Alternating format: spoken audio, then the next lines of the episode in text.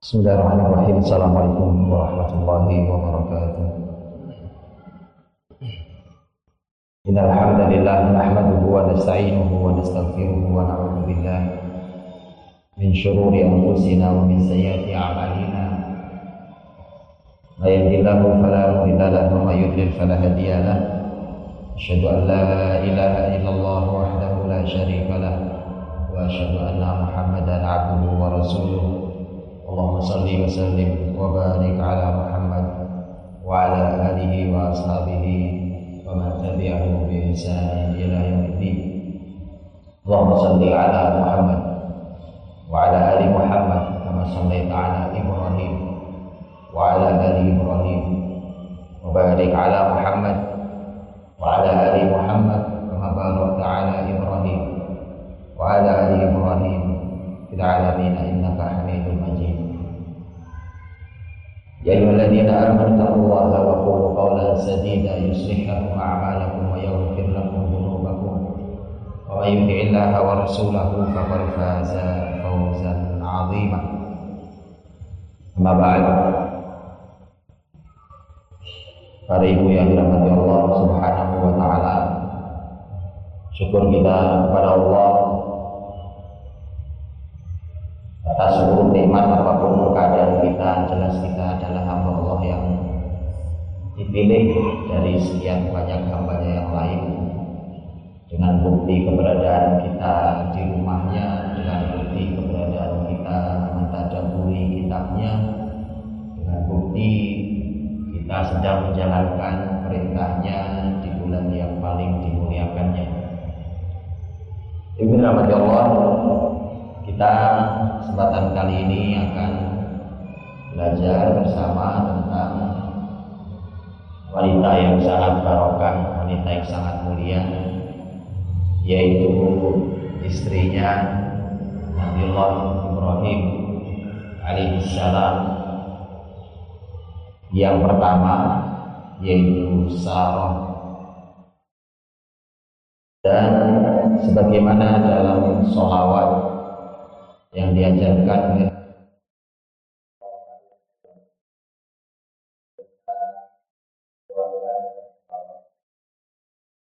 tidak hanya kepada dua nabi mulia. Rasul Muhammad Shallallahu Alaihi Wasallam dan Nabiullah Rasulullah Ibrahim alaihissalam tetapi juga kepada keluarganya. Dan di antara keluarga Nabi Ibrahim alaihissalam adalah istri pertama beliau yaitu Sarah. Dirahmati Allah, kebesaran Sarah, barokahnya, istimewanya tentu juga dikarenakan Allah Subhanahu wa taala memilihkan untuk Abul Anbiya Khalilur Rahman untuk ayahnya para nabi untuk kekasih Allah yang Maha Rahman Nabi Ibrahim alaihissalam dan untuk satu dari dua manusia paling mulia di muka bumi yang ditunjuk Allah sebagai uswatun hasanah. Karena dalam Al-Quran Al-Karim kata uswatun hasanah teladan yang baik oleh Allah Subhanahu wa taala diberikan hanya kepada dua orang. Yang pertama Nabi Muhammad Shallallahu alaihi wasallam dalam surat Al-Ahzab ayat 21.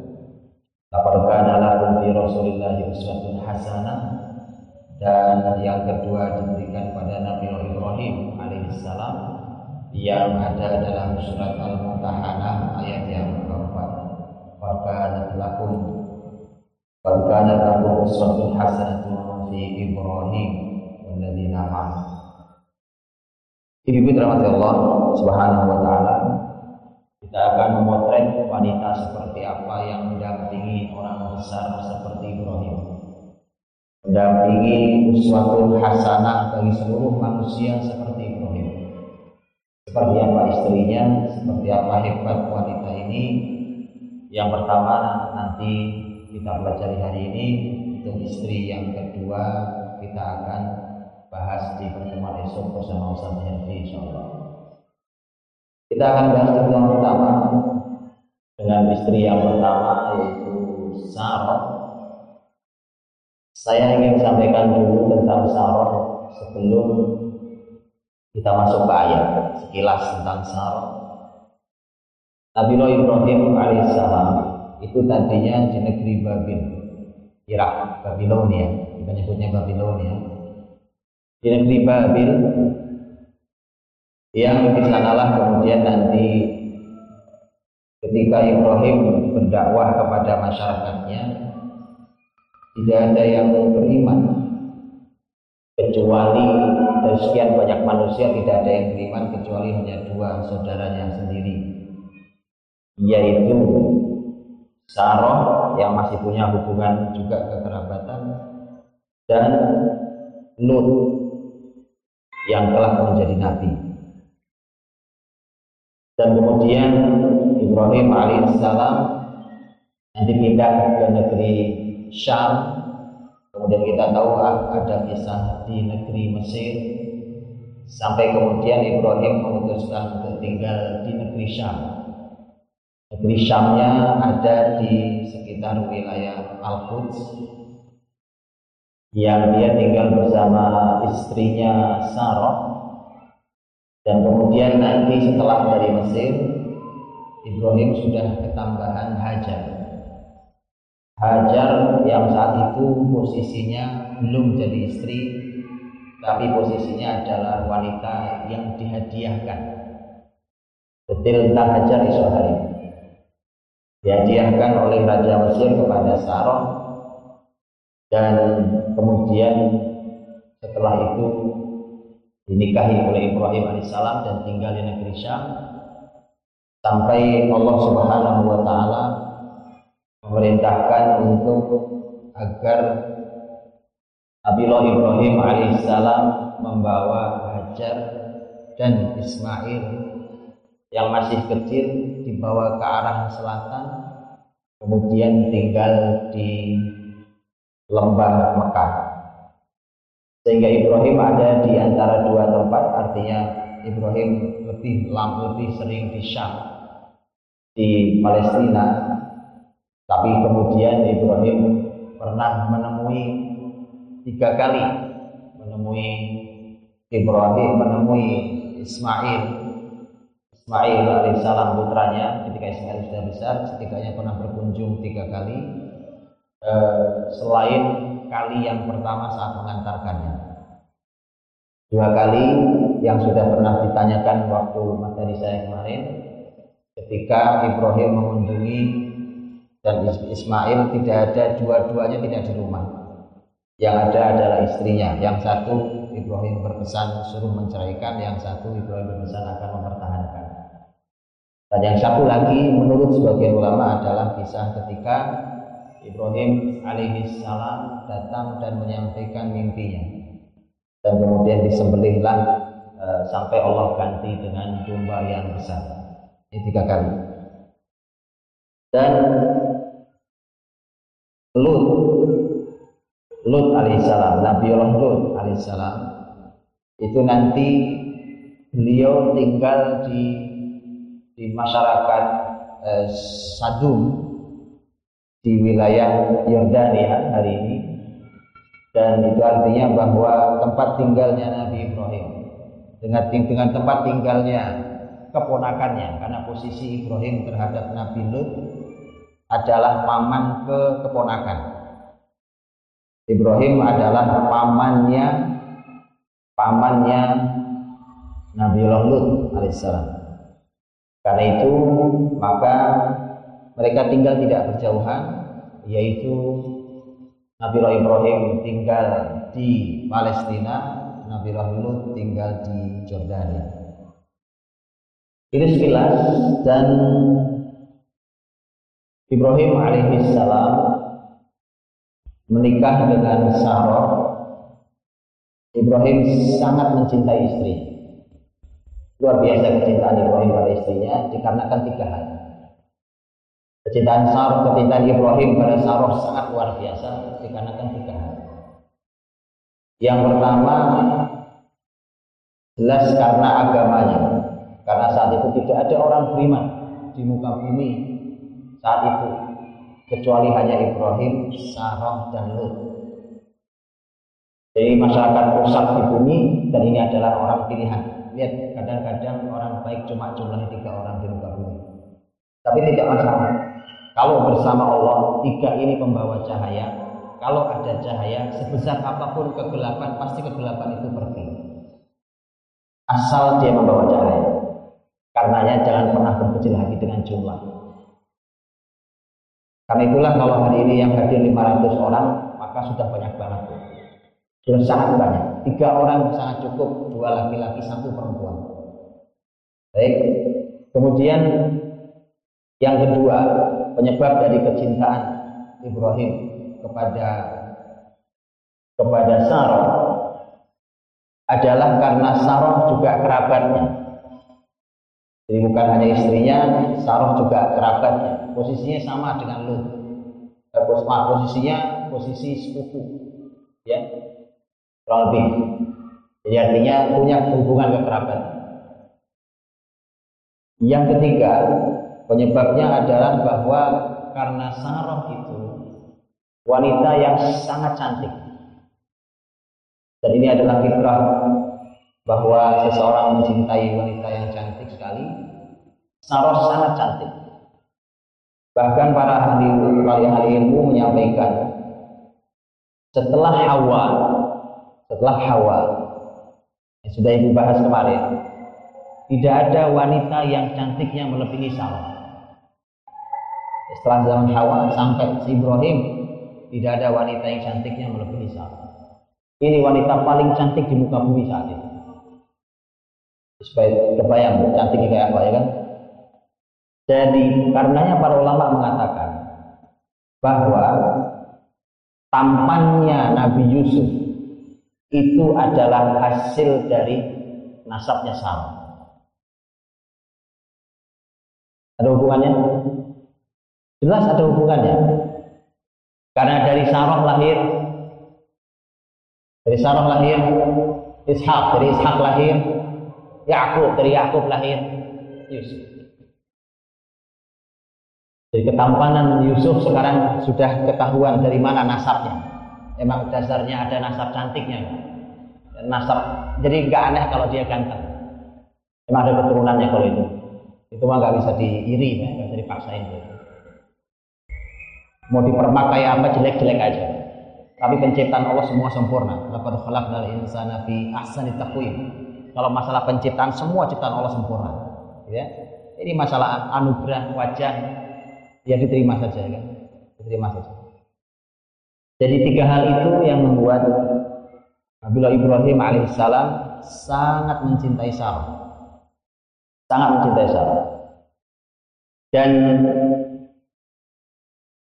Allah Subhanahu wa taala memberikan banyak sekali ujian kepada Nabi Ibrahim yang tentu didampingi oleh Sarah dan kemudian Allah menyatakan bahwa Ibrahim lulus di semua ujian itu. Idh ibtala Ibrahim rabbuhu bi kalimat fatammahun. Allah menguji Ibrahim, Ibrahim lulus. Dan Ibrahim alaihissalam sebenarnya sudah sejak lama meminta keturunan yang soleh. Rabbi habli minas solehin. Ya Allah, anugerahkan pada saya keturunan yang soleh.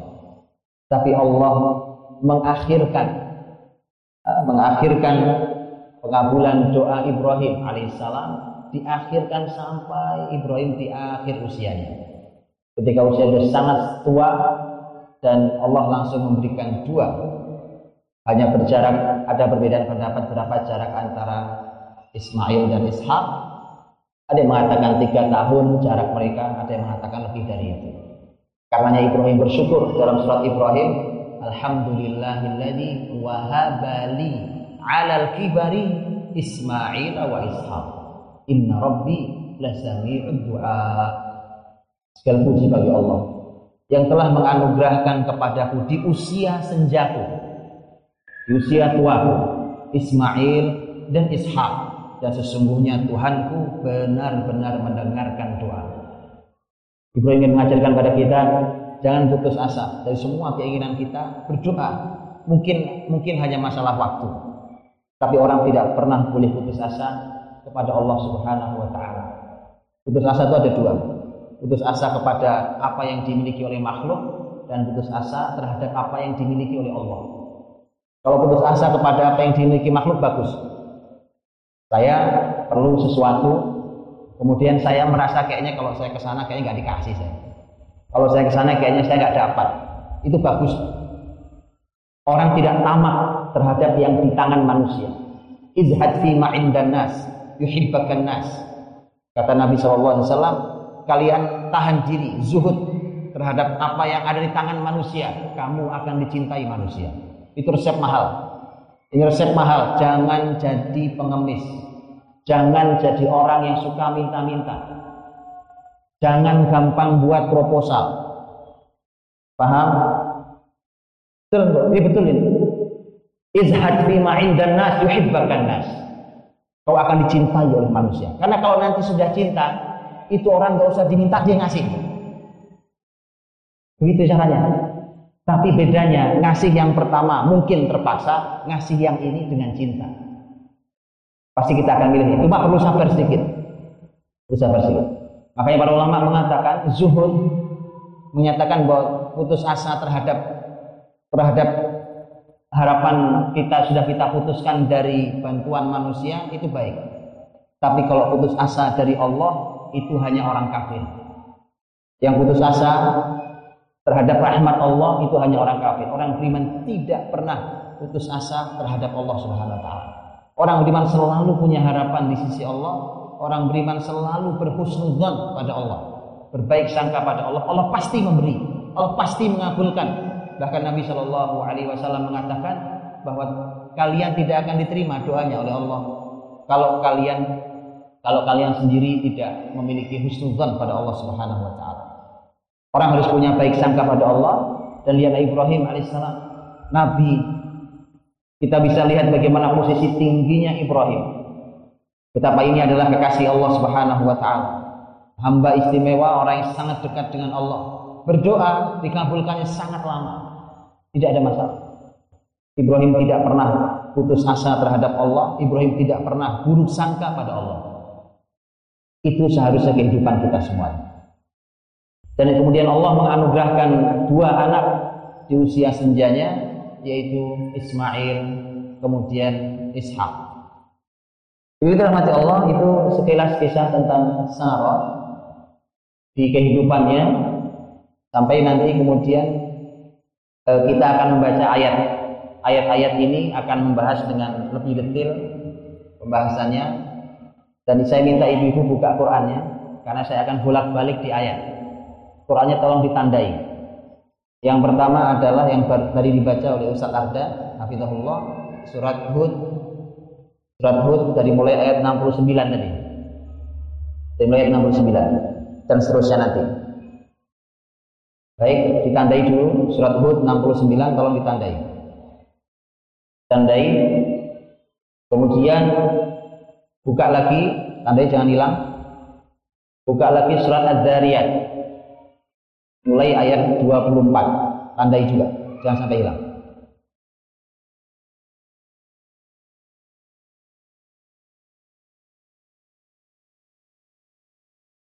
Sudah? Hud dari mulai ayat 69 Az-Zariyat dari mulai ayat 24 Sudah ya? Kita mulai Sudah semua? Baik Kita mulai Bismillah Tawakkal Allah Kita mulai dua surat ini Para ulama tafsir mengatakan ini tentang sarah. Kalau ibu-ibu baca, ibu-ibu akan melihat bahwa ini kisah yang sama. Kisah yang sama. Tapi nanti ibu-ibu akan melihat kisah yang sama dituturkan di tempat yang berbeda dalam Quran, dia punya makna yang berbeda. Kisah yang sama, kisahnya sama. Ini adalah kisah ketika Ibrahim dan Sarah kedatangan para malaikat yang memberikan kabar gembira akan hadirnya seorang anak yaitu Ishak. Kisahnya sama baik yang ada di Hud ataupun yang ada di Adariyah. Tetapi karena dituturkan Allah di dua ayat yang berbeda, di dua tempat yang berbeda, maka pasti punya makna yang berbeda. Karenanya para ulama tafsir mengatakan tidak ada pengulangan dalam Quran. Jadi kalau ibu-ibu melihat ayat, ini kisah Musa di sini begini, di sini sama ini kisahnya. Ibrahim di sini begini, ini sama, tidak ada yang sama. Tidak ada pengulangan dalam Quran. Quran tidak ada pengulangannya. Kisah yang sama, cara Allah bertutur yang berbeda. Ibu-ibu kalau melihat kisah Nabi Musa, Nabi Musa bertarung dengan para penyihir, itu ada di beberapa ayat. Tetapi itu berbeda. Kisahnya sama, peristiwanya itu itu juga. Tetapi Allah ingin menyampaikan dengan ibrah pelajaran yang berbeda. Kita mulai dari surat Hud. Surat Hud ayat yang ke-69. Ini posisi malaikat waktu datang posisi Nabiullah Ibrahim alaihissalam dan Sarah posisinya ada di Palestina. Jadi peristiwa ini adalah peristiwa di Palestina. Setelah Ibrahim pulang pulang dari Mesir, Mesir. Sebelum saya masuk, saya ingin sampaikan satu hal bahwa supaya menjadi penjelasan buat kita bahwa ketika dari Mesir ini sudah membawa Hajar. Dan Hajar dari Hajar nanti turun masyarakat Arab. Dari Ishak turun masyarakat Bani Israel. Kemudian mereka harus dipisahkan. Harus dipisahkan. Dan ini di dalam hadis yang sahih disampaikan tentang kisah kecemburuan Sarah terhadap Hajar. Kisah kecemburuan ini bahkan berdampak sangat buruk sebenarnya, tetapi di batas yang masih normal. Ini memang perlu mendapat pembahasan sendiri. Dan di hadapan saya para ibu yang Allah ciptakan dengan fitrah cemburu. Kecemburuan itu ada yang mulia, ada yang dibenci Allah. Nabi Shallallahu Alaihi Wasallam bersabda dalam hadis diriwayatkan oleh Abu Dawud dan Nasai menyampaikan bahwa kata Nabi SAW Inna minal ghairah ma yuhibbahu Allah wa ma yubghidahu Allah Kecemburuan itu ada yang dicintai Allah tapi ada juga yang dibenci Allah. Sifat cemburu. Adapun yang dicintai Allah adalah al-ghairah riba. Amma ma Allah yang dicintai Allah adalah al-ghairah fil riba. Kecemburuan dikarenakan riba. Riba itu adalah dugaan kita bahwa orang yang kita cemburui itu berbuat dosa. Berbuat dosa berbuat salah atau ada di tempat yang salah atau ada di tempat yang dosa itu adalah al-ghairah riba. Itu cemburuan yang dicintai Allah. Karena kalau di posisi itu seseorang tidak punya rasa cemburu itu malah terancam neraka. Terancam neraka yang disebut dengan ad-dayyuth Ad-dayyun adalah seseorang yang tidak cemburu pada pasangannya yang berbuat maksiat. Dan itu oleh Nabi diancam neraka. Ini kecemburuan yang dicintai Allah Subhanahu wa taala yaitu ketika siapa yang kita cemburui eh, dia ada di posisi dosa atau diduga dia di posisi yang salah dan dosa. Tetapi Nabi mengatakan yang dibenci Allah Subhanahu wa taala adalah sebaliknya. Amma ma Allah. Adapun yang dibenci Allah Subhanahu wa taala al-ghairah fi fi riba. Kecemburuan yang tidak pada posisi dosa tadi itu. Tidak pada posisi itu, tapi kemudian ternyata di, dicemburui, maka ini adalah dibenci Allah Subhanahu wa taala. Adapun adapun kecemburuan wajar, kecemburuan wajar seorang wanita. Kecemburuan wajar seorang wanita, para ulama mengatakan membahasnya. Kalau ibu-ibu bisa bayangkan bahwa para ulama sampai membahas kecemburuan wanita. Karena itu pun dibahas oleh Nabi Shallallahu Alaihi Wasallam. Ketika Nabi membahas khusus tentang kecemburuan wanita, itu menunjukkan bahwa itu memang sesuatu yang harus dibahas dalam kehidupan, terutama kehidupan rumah tangga. Ibu-ibu lihat saya hati-hati banget ngomongnya ya kan? Ya. Jadi karena memang itu, itu salah ngomong sedikit masalah. Dan ibu-ibu bisa melihat bagaimana kehidupan rumah tangga Nabi SAW. Kehidupan yang juga ada bunga-bunga cemburunya pada batas yang tidak dimurkai Allah. Kalau ada yang mulai salah, Nabi akan menegurnya. Maka Nabi akan menegurnya. Di antara kalimat teguran Nabi adalah cemburu Aisyah yang tidak pada tempatnya. Ketika Nabi sedang beramal soleh, mendoakan sahabatnya di tengah malam yang sepi, di makam Baki Nabi jalan dari rumahnya ke Baki dicemburui bahwa Nabi pergi ke rumah istri yang lain. Nabi mengatakan aja aki syaitanuki apa setanmu lagi datang? Baik. Memang kadang-kadang harus digitukan ketika ada di posisi yang salah karena itulah maka dirahmati Allah ini ini kenapa karena harus para wanita sebagai kunci kebaikan generasi harus diposisikan di posisi yang tepat.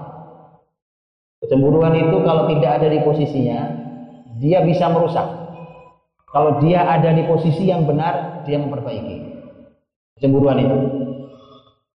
Jadi pembahasan cemburu ibu-ibu, mohon tidak dibahas ala Romeo dan Juliet. Yang begitu itu sudah bukan pembahasan kita. Pembahasannya dibahas ala Nabi dan istri-istrinya. Ala Nabi Ibrahim dan istri-istrinya. Itu baru pembahasan. Bukan pembahasan ala cemburu hari ini. Apalagi cemburu picisan anak-anak muda hari ini. Anak-anak muda kita harus diajari tentang hal ini. Karena mereka belajar cinta tidak pada orang yang tepat, belajar cemburu tidak pada orang yang tepat. Jadi Sampai Rasul saja lihat ketika ada di posisi yang salah cemburu itu. Sampai Rasul pernah mengatakan, ini yang meriwayatkan bahkan Aisyah. Aisyah yang meriwayatkan hadis ini, riwayat Abu Dawud dikatakan oleh Imam Ibnu Hajar Asqalani di Fathul Bari bahwa sanadnya la ba'sa Bahwa Aisyah meriwayatkan marfu'an. Kalau marfu'an itu berarti Rasul yang mengatakan. Rasul mengatakan bahwa innal ghaira la tubsiru asfalal wadi min a'la. Wanita itu kalau cemburu, dia sudah tidak bisa melihat mana atasnya lembah, mana bawahnya lembah. Itu lembah padahal bahaya banget, Bu. Betul ya? Loh itu orang kalau nggak bisa membedakan atas bawah, bahaya loh. Bahaya banget. Dia pikir itu atas, dia main loncat aja, itu tahu tahu ujung lembah, mati itu. Itu yang dikhawatirkan. Itu sampai kalimat Rasul. Itu kenapa ulama membahas tentang kecemburuan cukup panjang. Itu dikarenakan ternyata Rasul Shallallahu Alaihi Wasallam pun membahas itu. Membahas itu. Yang salah akan ditegur, yang salah akan ditegur. Kalau yang benar Nabi SAW terkadang senyum-senyum aja, senyum-senyum saja. Kecemburuan Aisyah radhiallahu anha di suatu hari dan diketahui oleh sahabat saat itu Nabi Shallallahu Alaihi Wasallam hanya mengatakan gharat ummukum ibu kalian lagi cemburu. Simple Hadirin rahmati Allah ibu uh, ini sebenarnya juga terjadi karena ini fitrah. Jadi fitrah wanita cemburu dari dulu kisah Nabi Ibrahim dan istri dua istrinya juga sama juga sama Sarah mencemburi Hajar tapi memang, memang benar bahwa Sarah istrinya Ibrahim, Hajar istrinya Ibrahim. Aisyah istrinya Rasul Muhammad, Hafsah istri Rasul Muhammad. Ummu Salamah istri Rasul Muhammad dan seterusnya. Jadi istri mencemburui istri lain. Bukan istri mencemburui istri tetangga. Sudah cerita kalau itu. Paham ya? Baik. Jadi Nabiullah Ibrahim alaihissalam dengan kedua istrinya yang dikisahkan cukup panjang tentang kecemburuan itu eh, di mana kemudian akhirnya harus Hajar dipindahkan sampai ke Mekah. Jadi kecemburuan itu memisahkan seribu kilometer lebih. Pasti Ibrahim ini tidak nyaman di antara karena jauh. Pasti Ibrahim rindu dengan istrinya, dengan anaknya. Baik, tapi apa daya jaraknya seribu kilometer lebih. Gara-gara itu, karenanya istimewanya Nabi Muhammad SAW istri-istrinya rumahnya berderet berdempetan satu sama lain. Nabi Ibrahim berjarak seribu kilometer lebih. Hajar dan dan Sarah karena memang di kecemburuan Sarah itu sampai pada tingkat puncaknya sebenarnya ketika ketika Hajar dianugerahi Allah anak. Ketika Hajar diberikan Allah anak Ismail karena Ismail lahir duluan. Kecemburuan Sarah luar biasa.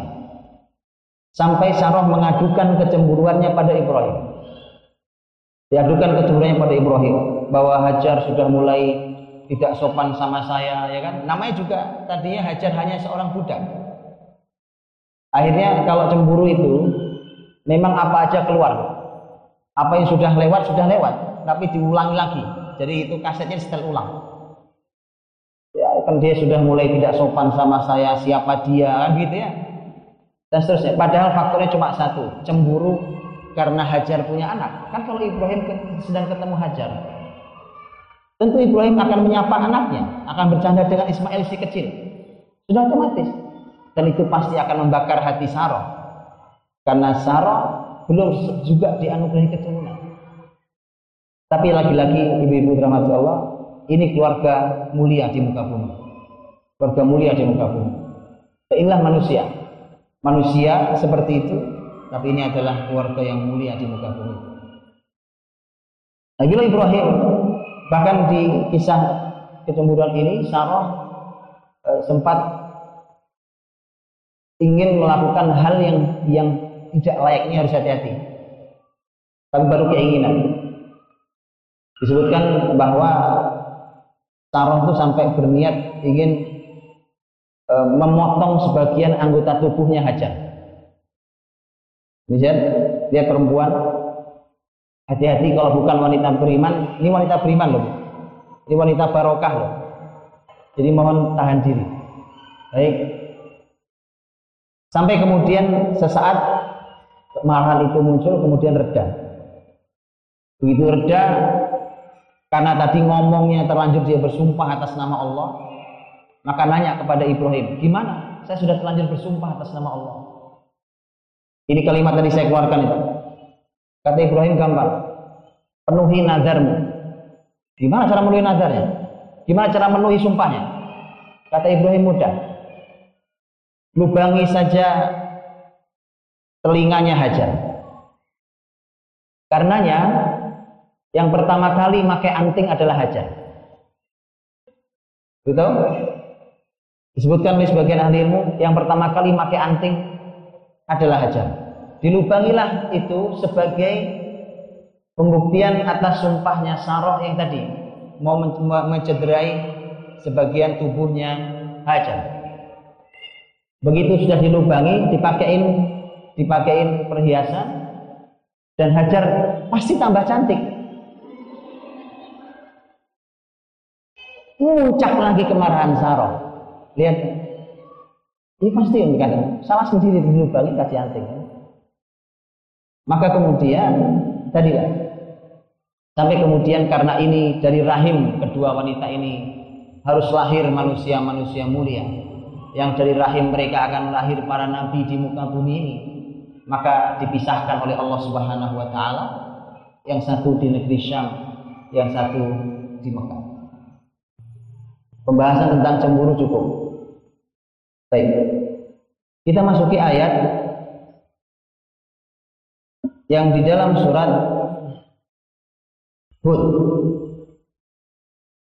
Dalam surat Hud Allah Subhanahu wa taala di ayat 69 berfirman a'udzubillahi minasyaitonir rajim. Walaqad ja'at rusuluna Ibrahim bil busyra. Qalu salama qala salam. Fama labitha an ja'a bi'ijlin hanid.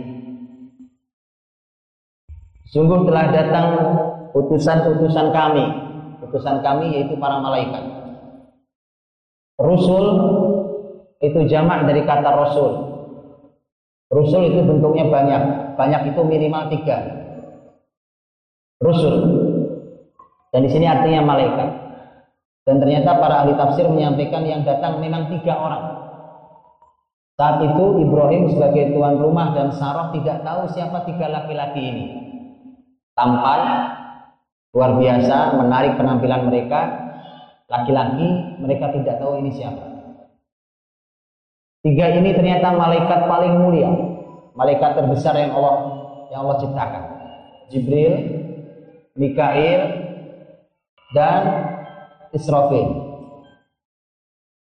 Jibril, Mikail dan Israfil. Tiga malaikat inilah yang datang kepada Nabi Allah Ibrahim alaihissalam di rumah Ibrahim yang juga ada Sarah. Walaqad ja'at rusuluna Ibrahim utusan-utusan kami ini datang ke Ibrahim. Sekali lagi Ibrahim tidak tahu. Datang dengan membawa busra, bil busra, kabar gembira. Datang membawa kabar gembira. Tapi tamunya ini Ibrahim tidak kenal, kabar gembiranya Ibrahim juga tidak tahu. Ini benar-benar tamu yang tidak dikenal oleh Ibrahim. Qalu salama di sini nanti kita akan belajar dari Ibrahim dan Sarah banyak sekali tentang adab menerima tamu. Ini sungguh luar biasa, adab menerima tamu.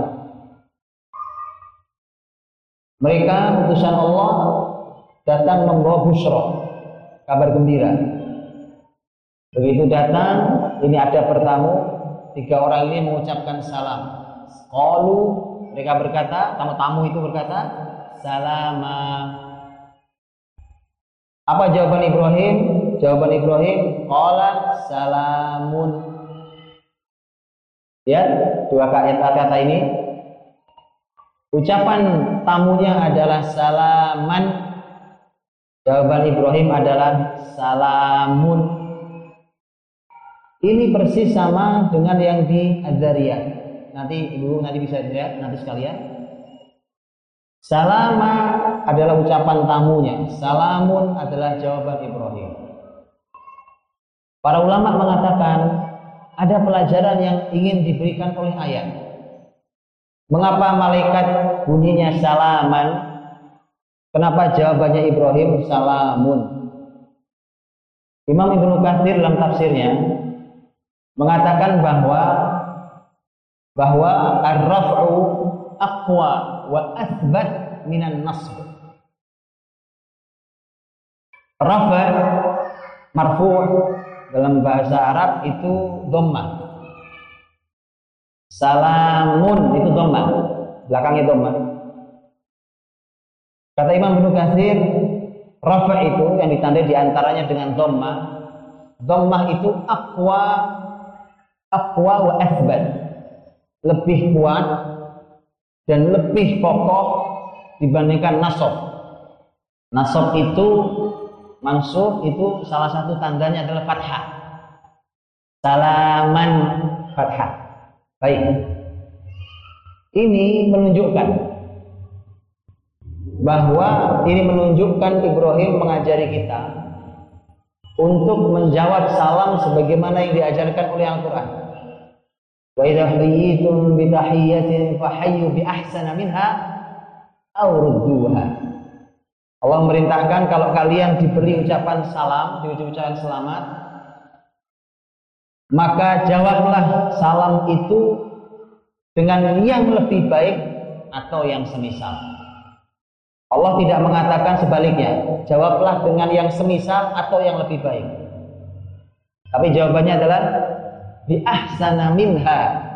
Dijulukan Allah jawabannya jawab dengan cara yang lebih baik. Aurudduha atau silahkan jawab semisal. Bila semua tahu praktek ini maka silahkan dipraktekkan karena ini adalah merupakan sebuah keberkahan salam dari surga dan ini adalah sebuah kebaikan dan Ibrahim mengajari kita menjawab tamunya lebih baik daripada ucapan tamunya.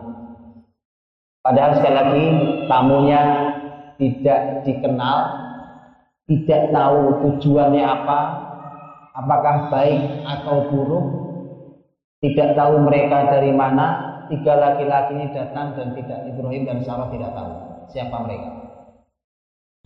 Qalu salaman Qala salamun Fama labisa Kata labisa Kata labisa di terjemahan Indonesia apa? Ada nggak terjemahan Indonesia-nya?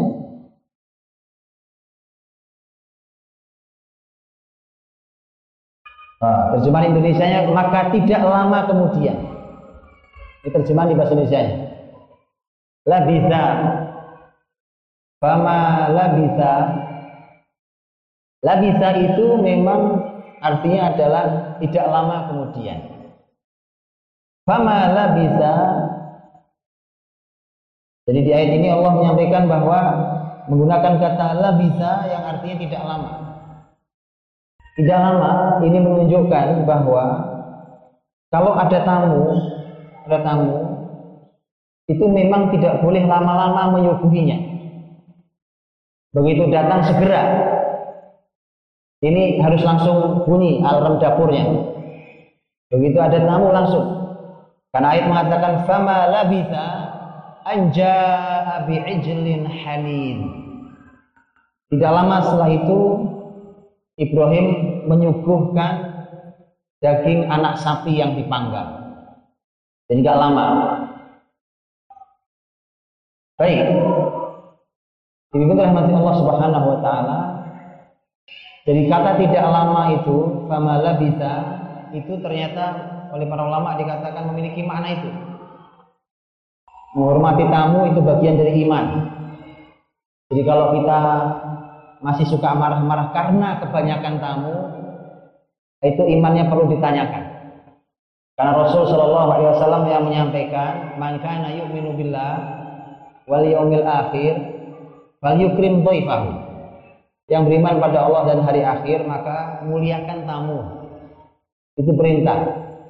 Sekarang kita sedang diajari oleh Saroh berikut suaminya tentang bagaimana menjamu tamu. Sama bisa itu artinya cekatan sekali.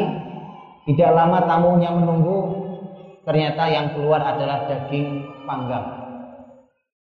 Daging panggang. Dan ini berbeda dengan yang ada di surat Az-Zariyat. Sekarang silakan buka Az-Zariyat. Allah Subhanahu wa taala berfirman. Lihat Az-Zariyat. Hal ataka hadithu dhaifi Ibrahim al-mukram.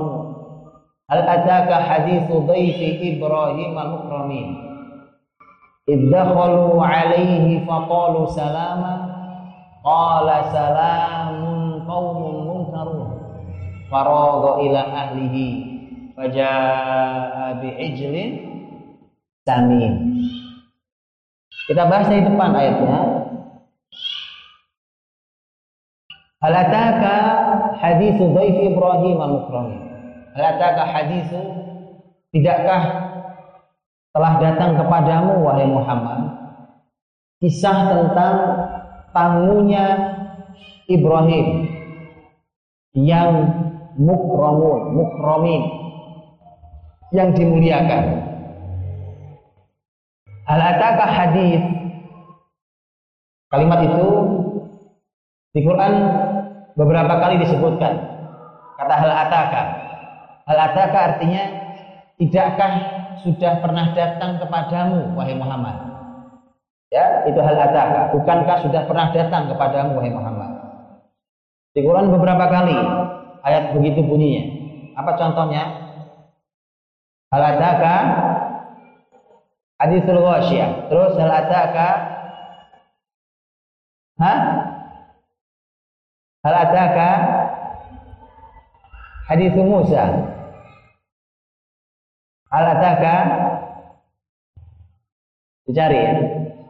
Hal adaka ingin menunjukkan ini adalah oleh para ahli ilmu disebut ini metode Allah Subhanahu wa taala untuk membuat seseorang yang diajak bicara itu memiliki keinginan yang kuat untuk segera tahu apa yang mau disampaikan.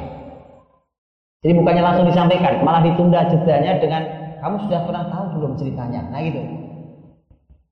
Itu metode Qurani. Itu metode Qurani, cara bertutur, cara bercerita. Bercerita itu nggak selalu harus cerita gitu. Tahu nggak kamu ceritanya? Sudah pernah dengar atau belum? Hal ataka. Hadis Ibrahim. Ini kisah tentang tamunya Ibrahim. Dhaif Dhaif dalam bahasa Arab itu satu Tamunya ada berapa? Tiga. Doib itu satu. Bentuk banyaknya adalah duyuf. Betul? Duyufur Rahman. Tamu-tamu Allah yang marhamat ya. Duyuf. Atau abdiyah. Dua-duanya bentuk jamak. Doib itu satu tamu. Loh kenapa? Kan tamunya tiga. Jibril, Mikail, Israfil. Kenapa kemudian kok cuma satu? Baik. Ini kurang lebih sama dengan kata sodiq dalam Quran. Sodiq. Kata sodiq dalam Quran, sodiq itu artinya teman. Sodiq dalam Quran itu juga bentuknya selalu mufrad. Satu. Teman ibu-ibu ada berapa? Satu atau banyak? Banyak. Teman itu biasanya nggak satu, teman biasanya tidak satu. Teman itu banyak. Mau tahu ayatnya? Yang sodik agak lebar sedikit mau atau kita lanjutkan? Hah? Boleh?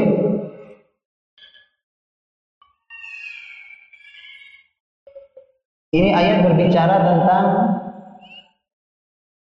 tentang masalah eh, adab adab rumah. Yaitu ayat yang ke 61 dari surat An-Nur. Ayat ke 61 dari surat An-Nur. Ibu lihat ya.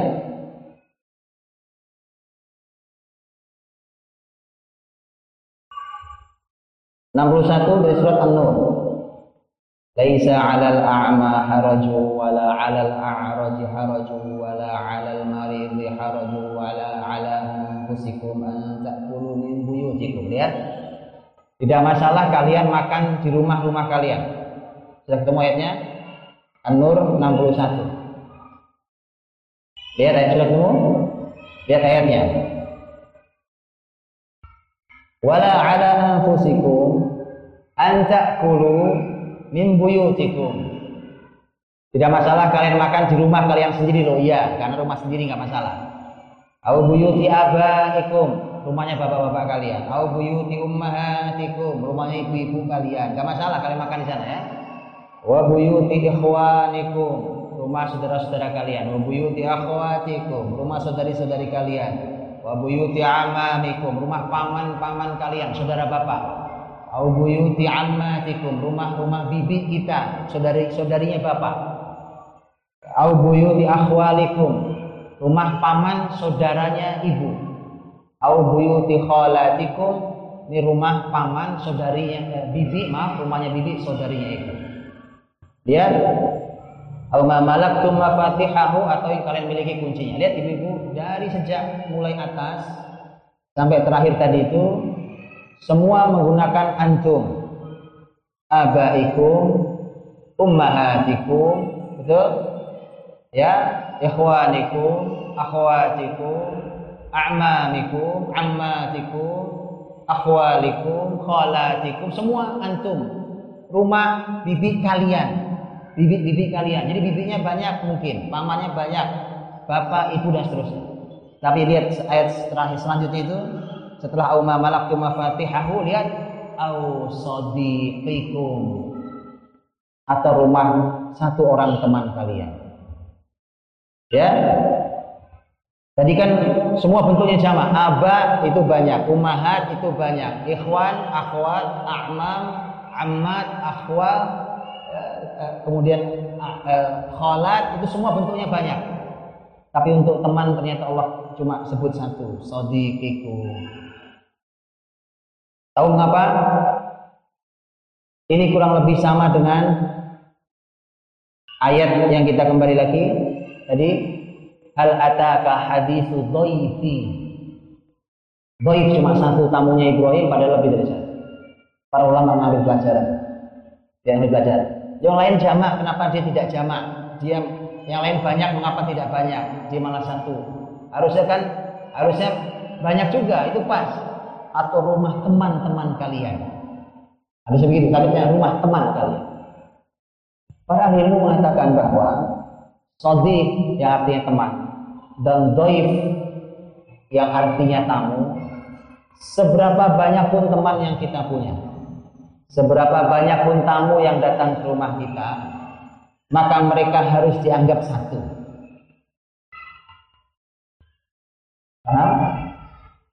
Seberapa pun tamu yang datang jumlahnya Seberapa pun teman yang kita punya Anggap satu. Berarti anggap satu Berarti anggap satu, perlakukan mereka seperti satu orang. Seakan yang datang cuma satu orang. Yang datang tiga orang. Yang datang sepuluh orang. Sama saja kayak saya datang kedatangan satu orang. Saya perlakukan mereka sama semua. Ke sepuluh sepuluhnya. Ke tiga tiganya. Saya perlakukan semua sama. Begitulah pertemanan. Sodik. Begitulah pertemanan. Pertemanan teman kita banyak. Perlakukan mereka dengan cara yang sama, dengan akhlak seorang muslim. Hal ataka hadithu dhaifi Ibrahim al-mukramin. Tidakkah telah datang kepada Muhammad tentang kisah tamunya Ibrahim al-mukramin? Al-mukram itu artinya yang dimuliakan. Mereka ini ini bukti bahwa tamunya Ibrahim banyak. Itu bentuknya bukan al-mukram, tapi al-mukramin. Itu bentuknya banyak berarti. Tamunya enggak tiga, satu, enggak dua. Pertanyaannya siapa yang memuliakan? Ini tamu ternyata tamu yang dimuliakan. Siapa yang memuliakan? Ada yang tahu? Siapa yang memuliakan tamu ini? Ada dua yang memuliakan. Pertama, yang ini tidak diketahui Ibrahim. Di awal Ibrahim tidak tahu, Sarah tidak tahu bahwa mereka ini malaikat. Kalau malaikat, Allah menyebut mereka sebagai hamba-hamba yang mukramun, hamba-hamba yang dimuliakan oleh Allah Subhanahu wa taala. Yang kedua, kemuliaan itu datangnya dari Ibrahim. Siapa yang memuliakan mereka? Ibrahim langsung karena kata sebelumnya Ibrahim. Tamunya Ibrahim, maka Ibrahim yang nanti akan dibantu Sarot dialah yang yang memuliakan tamu. Para ulama mengatakan ini sebenarnya bentuk penghormatan yang lebih besar bagi tamu ketika si tuan rumah langsung yang menyuguhi makanan minumannya. Karena itu yang langsung dilakukan oleh Ibrahim. Ibrahim langsung yang menyuguhkannya. Sarah di belakang yang masaknya ya, Ibrahim yang menyuguhkannya. Itu tentang kata mukramun sebuah isyarat bahwa Ibrahim langsung yang melayani tamunya dan itu penghormatan yang lebih. Karena kalau orang bertamu yang di, kita datang ke rumahnya orang mulia seperti Ibrahim, kemudian orang mulia itu menyuguhi kita langsung betapa kita merasa dimuliakan. Itu tamu-tamu Ibrahim yang dimuliakan. Halataka hadis Ibrahim al-mukramin. Iddakhulu alaihi Lihat ibu sampai di sini kisah sarohnya nggak ada. Nanti akan ketemu nanti di mana saroh muncul. Idakhalu alaihi, ini masih Ibrahim lagi belum saroh. Idakhalu alaihi ketika mereka masuk kepada Ibrahim. Faqalu salaman. Nah, itu sudah kita bahas ya. Qala salamun. Sudah sama itu. Kalau itu sama dengan yang tadi. Tapi ada tambahan. Tambahan Ibrahim di dalam surat Az-Zariyat mengatakan qaumun munkarun. Kalian ini orang-orang yang saya tidak kenal. Tapi namanya ngucap salam, ya dijawab dulu salamnya. Masalah nggak kenal, namanya orang datang tuh mungkin niatnya baik, mungkin jelek loh. Assalamualaikum kerja Waalaikumsalam warahmatullahi Baik atau Waalaikumsalam warahmatullahi wabarakatuh. Saya tidak kenal kalian ini. Eh, saya tidak kenal kalian siapa. Artinya salamnya jawab dulu, jangan nggak dijawab ya. Ada orang assalamualaikum, waduh pak itu pasti minta bantuan. Salamnya jawab dulu. Salamnya tolong jawab dulu, jangan begitu. Ya. Salam kaum munkarun. Ini jawaban Ibrahim bahwa Ibrahim mengatakan kalian kaum tamu yang saya tidak kenal. Kalian siapa? Saya tidak. Tapi namanya tamu. Dan kita diperintah oleh Nabi Muhammad Shallallahu Alaihi Wasallam untuk memuliakan tamu karena itu bukti iman. Dan Ibu Ibrahim ternyata mencontohkan luar biasa, dimuliakan tamunya, bahkan nggak dikenal. Subhanallah itu itu akhlak para nabi yang kita diminta untuk menirunya. Salamun qaumun munkarun. Lihat, nggak kenal, belum kenalan, belum lagi kenalan. Farogo. Ya kata farogo itu tidak ada di tidak ada di dalam surat Hud. Kata farogo tidak ada. Kalau yang di dalam surat Hud tadi kata bisa cekat segera, cepat. Kalau ini farogo maka rogo apa rogo? Rogo dalam bahasa Arab itu artinya dia Ibrahim itu pergi masuk ke dalam pelan-pelan ngasih isyarat ringan ke istrinya. Bukan begini, sebentar ya, saya panggilin kambing dulu, nggak gitu. Sebentar nih, saya ambilin minumannya, bukan begitu. Masuk aja ke dalam kasih isyarat itu farol. Karena kadang-kadang kamu itu malu sama kita. Apalagi kalau yang kita bertamu adalah rumah orang mulia. Betul? Kita jaga betul adab kita, kita sungkan malu. Iya. Begitulah. Ibrahim diam-diam masuk, rogo itu diam-diam masuk gitu. Tamunya diajak silakan duduk segala macam. Oh memukar, duduk aja nggak apa. Walaupun saya tidak kenal silakan. Pelan-pelan dia masuk ke dalam kemudian memberi isyarat ke istrinya. Isyarat bahwa ada tamu siapkan siapkan makanan. Ini luar biasa bahwa antara suami istri sudah paham polanya. Kalau ada tamu apa yang harus dikeluarin? Gitu paham? Karena ini isyarat ringan antara suami istri. Ini pelajaran yang disampaikan Ibrahim untuk kita.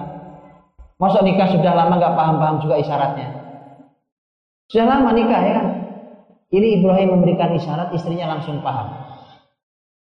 Langsung paham. Bayangkan loh, isyarat itu kan keluar biasanya teh. Ini enggak, keluarnya kambing, eh apa? Sapi. Anak sapi gemuk. Biasa. Faragha ila ahlihi. Nah, itu di situlah munculnya saroh. Kata ahlihi. Kata ahl itu artinya ahl. Ahl keluarga. Dalam bahasa Arab kata keluarga juga sering diartikan artinya hanya istri. Kadang-kadang. Walaupun kata ahl maknanya bisa lebih banyak dari istri. Ini menunjukkan betapa istimewanya istri dalam urusan keluarga. Nah, ya, ini buktinya. Faragha ila ahlihi. Ahli pada artinya saro. Karena di rumah nggak ada siapa-siapa. Ada anaknya? Nggak ada, oh, belum punya anak. Jadi hanya ada saro. Tapi Quran mengatakan ahl. Faragha ila ahlihi. Diam-diam Ibrahim masuk mengasih memberikan isyarat pada keluarganya yaitu kepada Sarah. Faja'a bi'ijlin samin. Kemudian Ibrahim datang membawa ijl. Ijl itu anak sapi. Samin itu gemuk. Kalau begini cara belajar Quran, gabungkan kisah dengan kisah, kita akan ketemu kelengkapannya. Karena tadi waktu tamunya baru datang, salamnya sama. Surat Hud, surat Az-Zariyat sama. Tetapi yang di surat Hud Allah berfirman tidak lama setelah itu. Berarti melayani tamu tidak lama. Kalau di sini dia pergi ke belakang itu memberi pelan-pelan ya tidak kelihatan perginya pelan-pelan pergi dia kasih isyarat sebentar. Artinya begini, ini kalau kita urutkan, begitu suami dapat tamu, maka suaminya ngasih isyarat ke dapur kepada istrinya. Dan betapa cekatannya istrinya untuk menyiapkan suguhan buat tamunya. Paham ya? Begitu, begitu menyatukan. Baik. Lihat kata setelahnya. Baca nanti Ibrahim datang menyuguhkan. Yang nyuguhin siapa? Di sini yang nyuguhin siapa? Ibrahim atau Sarah? Hah? Baca yang nyuguhkan siapa? Ibrahim. Ya, domirnya huwa. Berarti dia laki-laki, berarti Ibrahim. Lihat, ya begitu. Karena kalau Ibrahim sibuk di dapur, itu tamu kagak ada yang ngurus. Itu berbagi tugas luar biasa di rumah. Itu memang begitu, rumah tangga itu berbagi tugas. Kemudian nanti Ibrahim yang ngambil, begitu dikasih isyarat sudah siap, Ibrahim yang menyuguhkan. Di dalam surat Al-Hud itu disebutkan daging anak sapinya dipanggang. Ijlin hanin. Kalau yang di sini di surat Al-Zariyat ijlin samin. Anak sapi yang gemuk. Gimana gabungannya? Gampang, betul? Begitu. Begitulah belajar Quran itu. Bahwa ternyata yang, yang anak sapinya sapi pilih sapi yang gemuk membuktikan Ibrahim begitu dermawannya. Dan kemudian kalau panggang berarti cara masaknya. Ya, karenanya lihat, bukankah ini, lihat, bukankah di awal Allah sudah memuji Ibrahim dan Sarah bahwa ini adalah keluarga yang dermawan, keluarga yang baik, keluarga yang baik dan dermawan itu buktinya kalau ada tamu dia baik dan dermawan. Bukti baik dan dermawannya yang disuguhkan anak sapi yang gemuk. Bukan yang kurus kerenteng sisa, bukan. Saya mau nanya, tamu tiga sebenarnya cukup berapa daging itu? Hah? Ya anggaplah porsi bukan porsi Indonesia lah, naikin sedikit lah. Tapi kalau anak sapi ya kebanyakan, betul? Oh, kasih space lebih, begitu. Kasih yang lebih banyak sedikit. Kalau tamu mau, masya Allah, karena kita tidak tahu. Ini tamu mungkin tetangga kita. Itu kalau kita kenal tetangga kita. Tapi mungkin tamu dari perjalanan sangat jauh. Yang mungkin kelaparan, mungkin kekurangan, mungkin apa, namanya tamu. Itulah semua hak tamu itu sampai segitu. Sapinya sampai anak sapi yang gemuk, ejlin samin. Anak sapi yang gemuk. Anak sapi yang gemuk kita sudah tahu bahwa itu berarti memang menunjukkan benar bahwa Ibrahim dan Sarah adalah keluarga yang dermawan dan mulia. Lah bagaimana dengan cara manggang, cara masaknya? Ternyata oleh Ibrahim dipilihkan dipanggang. Semacam sebuah isyarat bahwa memang daging panggang itu paling top dibanding cara masak yang lain. Allah ya kan? Karena Ibrahim ingin menyuguhkan yang terbaik. Betul? Bukan hanya jenis dagingnya, tetapi rasa dari masakannya.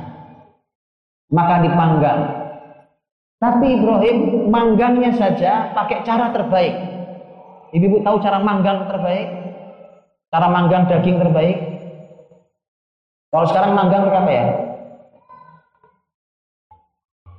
Kalau ibu manggang daging ayam atau ikan pakai apa? Hah? Macam-macam ya. Pakai apa contohnya? Hah? Pakai apa? Iya di Iya, manggangnya macam-macam, Bu. Kadang di kompor ya dipanggang kompor ya kan, pakai api panggang. kadang pakai arang dikipasin ya ternyata cara manggang terbaik adalah apa yang ditunjukkan oleh Ibrahim karena orang mulia dia ingin suguhkan yang terbaik Ijlin Hanin itu adalah anak sapi yang dipanggang dengan cara dipanggang di atas batu yang membara. Betul kan? Hari ini restoran yang pakai batu membara itu mahal, Bu. Sekarang jadi restoran mahal itu. Ada sekarang restoran kembali zaman batu. Iya. Kalau Quran itu nggak mungkin salah. Quran itu pasti barokahnya. Ya, Ejlin Hanid. Nah, ini juga bukti kalau Saroh yang menyiapkan perempuan kok nggak bisa masak kan aneh. Paham ya? Oh iya dong. Urusan begitu perempuan harus ahli. Ini sampai manggang anak sapi gemuk di atas batu yang membara. Perempuan bu. Jadi kalau punya anak perempuan nggak bisa masak ya kan? Saya tidak suka itu kalau ada biodata. Mohon maaf kaki, saya tidak bisa masak. Coret aja. Ini nggak pantas jadi istri. Loh kok istri nggak bisa masak gimana? Suruh belajar dulu deh minimal ya kan? Suruh belajar dulu, belajar dulu deh. Kursus tiga bulan baru kita nikah.